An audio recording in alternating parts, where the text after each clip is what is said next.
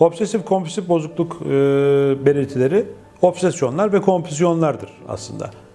E, ama bunu şu normal titizlikten ayırmak lazım. Yani insanlar hayatlarında işte e, mikroba karşı, hastalığa karşı veya düzen tertip noktasında e, titiz olabilirler. Bu eğer günlük hayatlarını etkilemiyorsa, işlevlerini bozmuyor, sosyal ve mesleki, ailevi işlevlerini bozmuyorsa biz bunu hastalık zemininde e, ele almıyoruz. Hastalık zemininde ele alacağımız şeyler ise daha çok insanın bütün bu işlevlerini bozan e, obsesyonlar ve kompulsiyonlardır. En sık karşılaştığımız e, obsesyonlar e, mikrop bulaşma veya kirlenme obsesyonlarıdır. Kişi kendisine mikrop bulaşacağından korkup sürekli elini yıkayabilir. İşte el sıkışmaktan, insanlarla efendim temas etmekten veya işte umumi tuvaletlere vesaire onlardan kullanmaktan kaçınır. Yine e, kuşku obsesyonları, kontrol obsesyonları e, ki bu da çok sık görülen bir obsesyondur.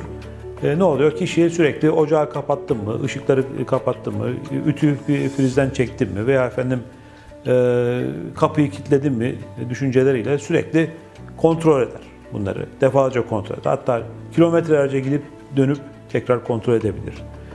Dini obsesyonlar, metafizik obsesyonlar görülen diğer önemli obsesyonlardır. Burada da kişinin e, aklına sürekli efendim e, Allah'a küfür veya işte mukaddes bir takım e, saydığı, inandığı değerlere karşı e, hakaretvari e, düşünceler veya bunların inkar eden düşünceler gelir.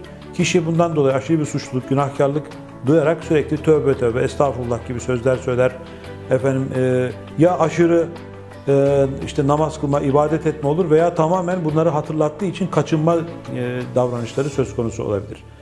Yine efendim önemli yani yüz, bu yüzyılımızda önemli bir e, obsesyon e, eşcinsel olma e, obsesyonu veya işte homofobi dediğimiz durum. Kişinin aklına sürekli kendisinin eşcinsel olduğu, işte e, hem cinslerinden hoşlandığı gibi bir takım düşünceler gelir.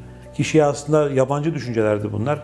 Çok rahatsız eder. Bundan dolayı bir suçluluk, hatta bir günahkarlık duygusu içerisine girer kişi ve bunun işte e, böyle bir şeyin olmadığını ispat edercesine bir takım davranışlar içerisine girer. Bu tür düşünceler açıklandı, açıldığı zamanda da sürekli konuşmaktan kaçınır. Kendi içinde büyük bir sıkıntı yaşar.